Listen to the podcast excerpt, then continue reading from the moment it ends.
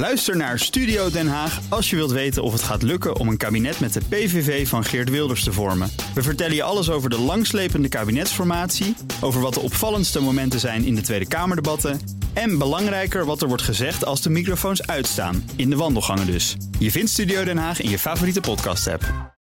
De column van Bernard Hammelburg.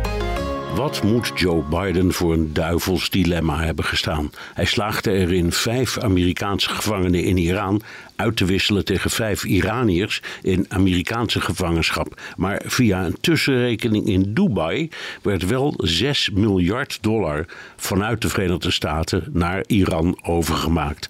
Biden wist dat hij naast respect vooral een emmer bagger over zich heen zou krijgen. Donald Trump noemde het meteen 6 miljard dollar gijzelaars losgeld.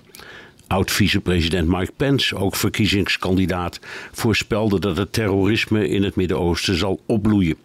Natuurlijk is het verhaal genuanceerder, maar dat er 6 miljard is overgemaakt staat vast. Het was geen Amerikaans geld, maar een deel van de Iraanse tegoeden die in het kader van de sancties tegen Iran waren bevroren.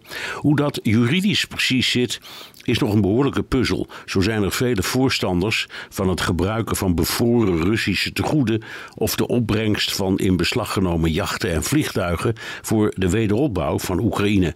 Anderen zeggen vasthouden en aan de ketting leggen mag, maar inpikken en aan iets anders uitgeven is diefstal. Weer anderen bepleiten een soort internationale verbeurdverklaring, maar niemand weet precies hoe dat moet. Regeringsleiders zeggen altijd heel stoer dat ze niet onderhandelen met terroristen en geen losgeld betalen. Dat is onzin. De Taliban hebben er, net als verschillende maffia-organisaties, een verdienmodel van gemaakt. Zomaar een wat ouder voorbeeld. In 1974 werd de Franse ambassade in Den Haag bestormd en bezet door Japanse terroristen.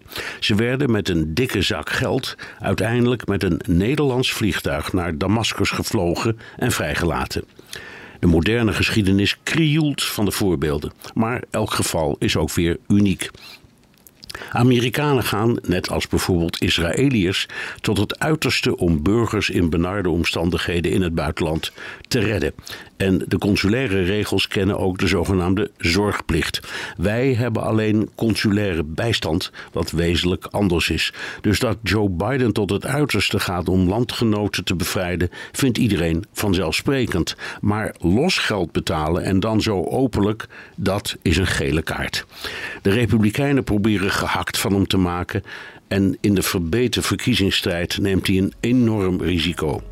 Dat wist hij van tevoren en hij koos voor de gijzelaars. Losgeld heeft een hoge prijs.